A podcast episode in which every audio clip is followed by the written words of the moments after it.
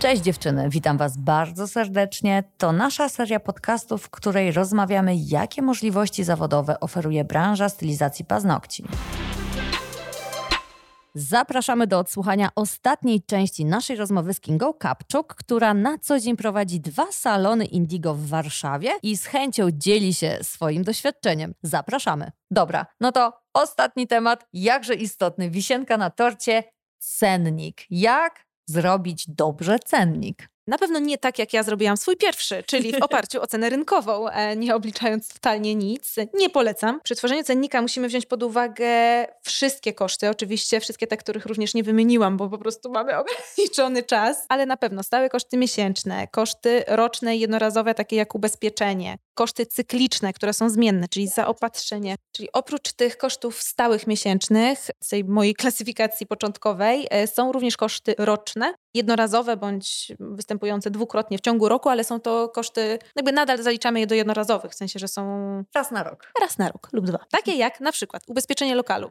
I absolutnie to jest konieczność. E, o tym się nie mówi, ale to jest konieczność. To nas może naprawdę uchronić przed ogromną stratą, a znam sama przypadki no, tragicznych sytuacji, kiedy dziewczynie spłynęło wszystko przed otwarciem i no po prostu naprawdę skrajne sytuacje. Pomaga nam to czuć się bezpieczniej w przypadku, jak no niestety, ale różne sytuacje się zdarzają i na przykład tfu, tfu, tfu, ale jeżeli klientka złamie nogę na twoim podjeździe, e, to ubezpieczenie pokryje nam te koszty leczenia, a możecie być pewne, że pociągnie was do odpowiedzialności odpowiedzialności. W sensie, no tak to działa, tak to wygląda. I to są mhm. rzeczy, o których nie myślimy na co dzień. Totalnie. Albo teraz pójdziemy już bardzo grubo. Negatywnym scenariuszem. O zakażeniach? Tak. Mhm. Zakażenia. Oczywiście dbajmy o to sterylizację i dezynfekcję. O tym powtarzam, powtarzam i trąbię, trąbię. Ale jeżeli klientka będzie miała jakiekolwiek e, wątpliwości co do naszej sterylności i będzie chciała nas pociągnąć do odpowiedzialności, nie czuję, że rymuję, e, to bądźmy na to przygotowane po prostu. I zobacz, to nawet nie musi być zakażenie w Twoim salonie, dlatego że klientka może po prostu podważyć paznokieć, tak jak Oczywiście. ja kiedyś na treningu, mhm. następnie zrobić sobie make-up. No i wiesz, co się wydarzyło, tak? mhm. tak? Nagle się okazało, że tydzień po, bo chodziłam sobie tydzień z chybotliwym paznokciem. Mhm. Tak, wiem, tak, ale przyznaję się, to ja tak zrobiłam. No i jak dziewczyny moje tutaj w centrali ściągnęły mi tego paznokcia, się złapały za głowę, słuchaj, on tam była zielona bakteria, no i no co tak, zrobisz? Tak, Nic tak, nie tak. zrobisz. Abstrahuję do tego, że nie było negocjacji prośbą, groźbą, po prostu nie było negocjacji, laski mi ściągnęły paznokcia na 3-4 miesiące i powiedziały, że nie ma opcji, nic nie założą. No ale zobacz, gdybym była w salonie, gdybym była klientką, która uważa, że ta zielona bakteria powstała nie dlatego, że ja ten paznokieć podważyłam na treningu, a potem wsadziłam tam podkład, tylko dlatego, że na pewno błąd w sztuce, bo tutaj uwaga, ktoś mądry mi podpowiedział, że pewnie tak się wydarzyło, no to jesteś w trochę ugotowanej sytuacji, no bo udowodnij, że to się nie wydarzyło z winy klienta. Dokładnie, dokładnie. Więc my róbmy wszystko zgodnie z zasadami i bądźmy czyste. Słyszałaś o takiej sytuacji, w której klientka oskarżyła stylistkę o paznokcie, bo ja słyszałam o włosach, że spaliła włosy fryzjerka i klientka wygrała 10 tysięcy złotych. Nie, nie, nie słyszałam o takiej drodze sądowej. Nie, nie słyszałam o jakichś okay. tam oczywiście groźbach y, y, i w ogóle to tak. O takiej sytuacji, która by doprowadziła właśnie do jakiegoś odszkodowania, czy, mhm. czy, czy, czy w ogóle do rozprawy, to nie, nie, nie, nie słyszałam akurat. Dlatego lepiej po prostu nie otwierać opcji, szczególnie, że pomijając fakt, że masz świetne klientki, masz z nimi sztamę i to są często twoje serdeczne znajome, no to też niestety musimy spojrzeć na drugą stronę medalu. Polska to kraj, w którym się kombinuje i czasami może ci się po prostu trafić ktoś, kto spróbuje zarobić. Nie, no w ogóle jakby inaczej, dmuchać na zimne. W Dokładnie. momencie, w którym masz zapłacone to ubezpieczenie, to nawet nie myślisz o tym, więc siłą rzeczy po prostu tego nie przyciągasz, tak? Ale nie jest to coś, o co musisz się martwić. Ja też słyszałam o kradzieżach w salonach. Kilka dziewczyn po prostu zostało okradzionych i tam, wiesz, jakieś takie prowizoryczne tematy, tak? No bo akurat produktów i autoklawów to nikt ci nie będzie kraść, ale no, telewizor, ekspres do kawy, takie Dokładnie. rzeczy, o których wiadomo, ja. że mają wartość. To na wszelki wypadek po prostu lepiej jest mieć tak. to wszystko ubezpieczone. Tak, może nie w salonie, ale klientka opowiadała właśnie, że, że została kradziona na przykład ekspresu do kawy, więc nigdy nie zagwarantujemy. Wiem, że to nie jest może jakiś nie wiadomo jaki koszt, mhm. no ale dla nas to jest strata, musimy kupić nowy. No dokładnie. Więc bądźmy na to przygotowane. O, oprócz ubezpieczenia, na przykład, co jeszcze może nam e, wyskoczyć nagłego? Kontynuacja domeny lub w ogóle jej zakupienie, mhm. tak? jeżeli w ogóle posiadamy stronę internetową. E, to jest koszt rzędu, nie wiem, 300 zł rocznie. I tutaj uwaga, przypomnienie na maila, dlatego że takie rzeczy często umykają z głowy. Tak, to są tak, tak, tak, małe koszty, a jeżeli stworzyłaś swój brand Nail Ink i zapomnisz przedłużyć domeny, to jeżeli trafi on w ręce konkurencji, to no jest to dla ciebie niefajna sytuacja. Dokładnie, dokładnie. Będziemy musiały zapłacić za to nie 300, a pewnie kilkanaście tysięcy, jeżeli Myślę, będzie chciała sprzedać. Jeżeli będzie chciała sprzedać, no, dokładnie, dokładnie, bo prawo polskie nie nakazuje, nawet gdybyś miała patent na znak graficzno-słowny, mhm. to właściciel domeny nie ma obowiązku ci jej oddać. Mhm. No więc właśnie. Dalej, dalej, dalej. No, chyba też już wcześniej wspominałam, że też takim naszym kosztem może być bon świąteczny dla pracownika lub prezenty świąteczne. Ja akurat e, staram się zawsze jakiś tam upominek dziewczynom dać, bo uważam, że to jest super miłe. Kiedyś wychodziłyśmy częściej na wyjścia integracyjne, a później to się trochę rozmyło, ale ten raz w roku, żeby nie wiem co, to spotykamy się wszystkie, więc oczywiście takie wyjście też jest kosztem. Serwis. Serwis, my nie mamy skomplikowanych bardzo urządzeń, to są lampy, frezarki, no ewentualnie autoklaw. Oczywiście każdy ma swoją gwarancję, ale po gwarancji my ponosimy ten koszt i to nie są jakieś super duże koszty, ale na przykład ja przy tylu stanowiskach, no powiedzmy tam, nie wiem, 10 frezarek czy tam 8 frezarek, tak? Jedna naprawa kosztuje 150 zł około. No mhm. niech mi się zepsuje 5, a wiadomo, że nieszczęście chodzą parami i to jest złośliwość rzeczy martwej i jak się psuje, to psuje się wszystko. No i to już jest kilkaset złotych, czy tam do, rocznie to myślę, że spokojnie jakieś 2000 e, wychodzi. Więc mhm. to jest znowu koszt, o którym nie myślimy. Program do wystawiania faktur, przeglądy klimatyzacji, kasy fiskalnej. To brzmi naprawdę groźnie, jak się tak tego słucha, ale z drugiej strony wystarczy zrobić sobie taki Excel, jak ty masz tak, tutaj tak. i wszystkiego pilnować. Bo to, bo to nie są duże koszty. Ja wiem, że oczywiście ta magiczna komórka, która się zaświeci e, przy napisie suma, to trochę przeraża, e, ale to są roczne. Pamiętajmy, że to są roczne i wszystko to później dzielimy. Zaraz powiem jak i przez co. Pamiętajmy też, jeżeli inwestujemy w ogóle w wyposażenie salonu, w sensie w dekorację salonu, to też to zapiszmy, bo ja w pewnym momencie też przesadzałam. I tutaj świeże kwiaty, a tutaj to, a tu jeszcze taki obrazek, a tu jeszcze takie mhm. lusterko. Makaroni? Tak. No. Chrupiące dzisiaj wszystko fajnie, tylko to generuje duże koszty, zaskakująco duże. Ja się zaskoczyłam w pewnym momencie, jak zaczęłam to spisywać, więc troszeczkę zbastowałam. Więc też dajmy sobie na to jakiś budżet i będzie po prostu łatwiej. Naczynia jednorazowe, jeżeli używamy, a powinniśmy, w sensie kawkę powinniśmy serwować w papierowych kubkach, e, nie w porcelanie, chyba że mamy wyparzarkę. Panie z Sanepidu widzę, że zrobiły porządną robotę. Akurat nie. to jest moja przezorność. Ale tak, no, to jest też, nam się sprawdziło te naczynia, sprawdziły te naczynia jednorazowe. Nie jest to jakiś tam super duży koszt, a, a u nas to działa. Materiały biurowe, zeszyty, kartki, papiery do kasy. Jest tego naprawdę bardzo, bardzo dużo. A czy zmywarka się zalicza do wyparzarki? Nie. Naprawdę. I są jeszcze takie koszty, które warto uwzględnić, e, czyli na przykład poduszka bezpieczeństwa, czyli odkładajmy sobie coś mhm. tam, jakieś kilka, oczywiście w miarę możliwości ustalcie sobie tą kwotę, ale nawet kilkaset złotych mhm. miesięcznie, e, to zrobi nam rocznie już jakąś rezerwę, czy fundusz remontowy. I znowu, ja na Wilcze, jak miałam salon w centrum, to był lokal w Starej Kamienicy, ja mhm. musiałam cały czas coś poprawiać. Cały czas. I to też, było, to też był czynnik, który mnie zmęczył.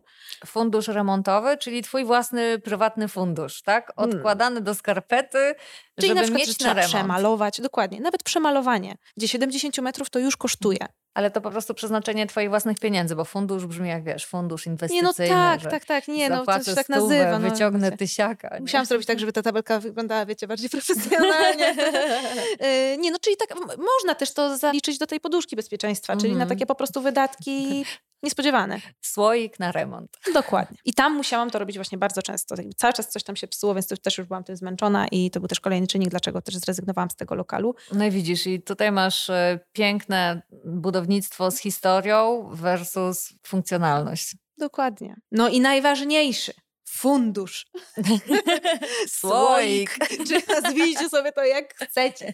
Ale szkolenia na edukację, na szkolenia, na rozwój, bo, no bo no, no, nikt nie jest e, idealny do końca świata i wszystko się zmienia bardzo szybko i powstają nowe rzeczy, nowe metody i usprawnianie dotychczasowych metod, więc warto się szkolić i warto w to inwestować i sobie przeznaczyć pieniądze stricte na ten cel. Jaką część obrotu przeznaczałaś, przeznaczasz na szkolenia? Kilkaset złotych to jest miesięcznie. Mhm. Czyli taki mniejszy procent, ale za to regularnie, co miesiąc tak. do słoika tak. na fundusz.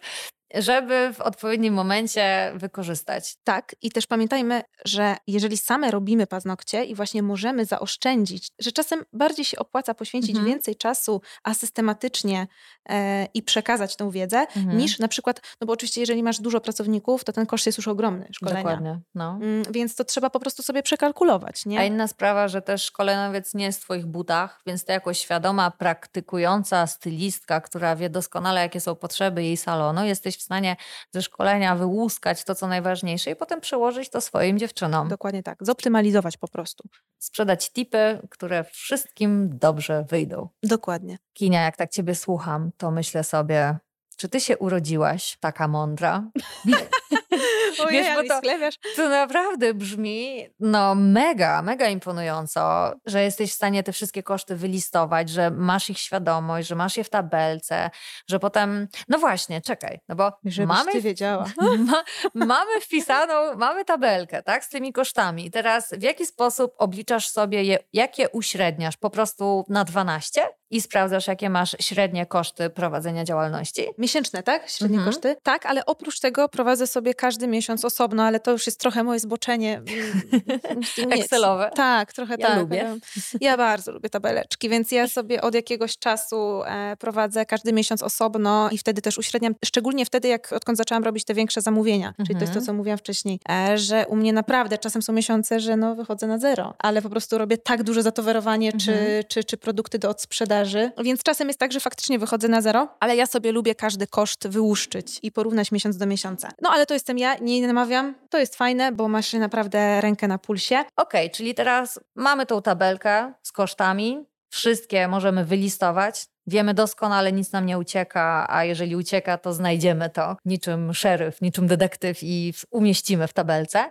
W tej samej tabelce umieszczamy pieniądze z obrotu, czyli te pieniądze, które fizycznie wpłynęły do kasy. No i teraz, jak powinien wyglądać taki procent, który Ciebie satysfakcjonuje? Jak duży obrót minus koszty minus dochodówka. Jaki procent powinien ci zostać z tego obrotu, żebyś ty była zadowolona? Więc reasumując, obrót minus nasze koszty to jest nasz zysk netto, ale od tego jeszcze musimy pamiętać, że musimy odprowadzić podatek dochodowy. I to, co nam zostanie, jeżeli to stanowi około 25% naszego obrotu, to już jest sytuacja komfortowa. Oczywiście, że zarobimy więcej, w sensie ten procent będzie większy, jeżeli pracujemy solo, jeżeli nikogo nie zatrudniamy.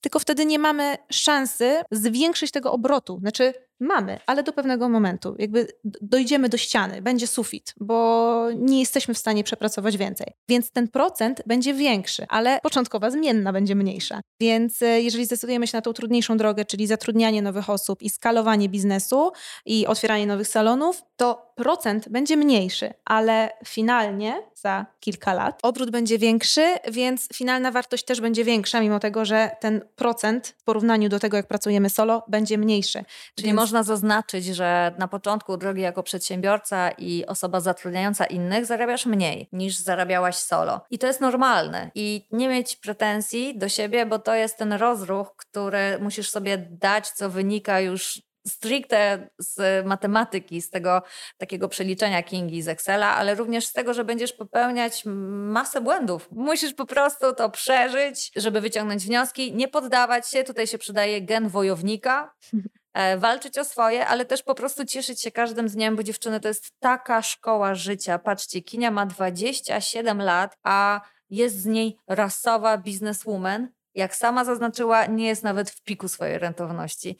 Jakie masz plany na siebie? Gdzie widzisz siebie za 2-5 lat? Ile salonów chciałabyś mieć pod sobą? Kiedyś mówiłam, że trzy, potem zmieniłam na pięć, więc chyba przestałam po prostu sobie narzucać cokolwiek. Let it be jak już to padło dzisiaj. Jak długo te, które masz, będą zaopiekowane i będziesz widziała, Dokładnie. że dobrze prosperują, to Dokładnie. długo nie usiedzisz i będziesz już myślała o kolejnych. Dokładnie, dokładnie. Ja po prostu, jeżeli już poczuję się pewnie i poczuję tą stabilizację, to pewnie będę myśleć o następnym. Nie popełnię już na pewno tego błędu i nie będę otwierać teraz nic nowego, dopóki nie będę zadowolona w 100% z wyników dotychczasowych. I patrzę na to z boku, ty masz 27 lat, a ciebie się tak przepięknie słucha. O, jak mi miło. Niesamowite, jak ciebie ten biznes zbudował i jak udał ci wiedzę i w ogóle jak ty opowiadasz o tym, ty masz, wiesz, iskry w oczach, ty się tak cieszysz tym, co sama zrobiłaś i podkreślmy to raz jeszcze, Kinga nie pochodzi z rodziny przedsiębiorców, miała rodziców etatowych, więc wszystkiego musiała się uczyć na swoich błędach. Tak, nikt jej nie powiedział. Metodą prób no. i błędów. Ale jak to mówią, nieważne ile razy upadniesz, ważne ile razy się podniesiesz. Oj tak, oj tak. Jeżeli chciałybyście dać nam jakiś feedback, uwagę, w jaki sposób możemy poprowadzić kolejne odcinki dla Was i też tematy, które chciałybyście, żeby Kinia poruszyła, żebyśmy rozbili na czynniki pierwsze, dajcie znać w komentarzach. Tymczasem bardzo dziękujemy za uwagę i mamy nadzieję, że dowiedziałyście się czegoś pożytecznego słuchając naszego podcastu. Ja też mam nadzieję, mam nadzieję, że jakąkolwiek duszyczkę trochę zmotywowałam, a jeżeli macie jakieś obawy albo pytania, to naprawdę piszcie, ja się postaram na wszystko odpowiedzieć. Jeżeli chcecie pogadać, to, to też jestem. Dziękujemy za uwagę i do usłyszenia na kolejnym podcaście. Dzięki, do zobaczenia, usłyszenia. Cześć dziewczyny.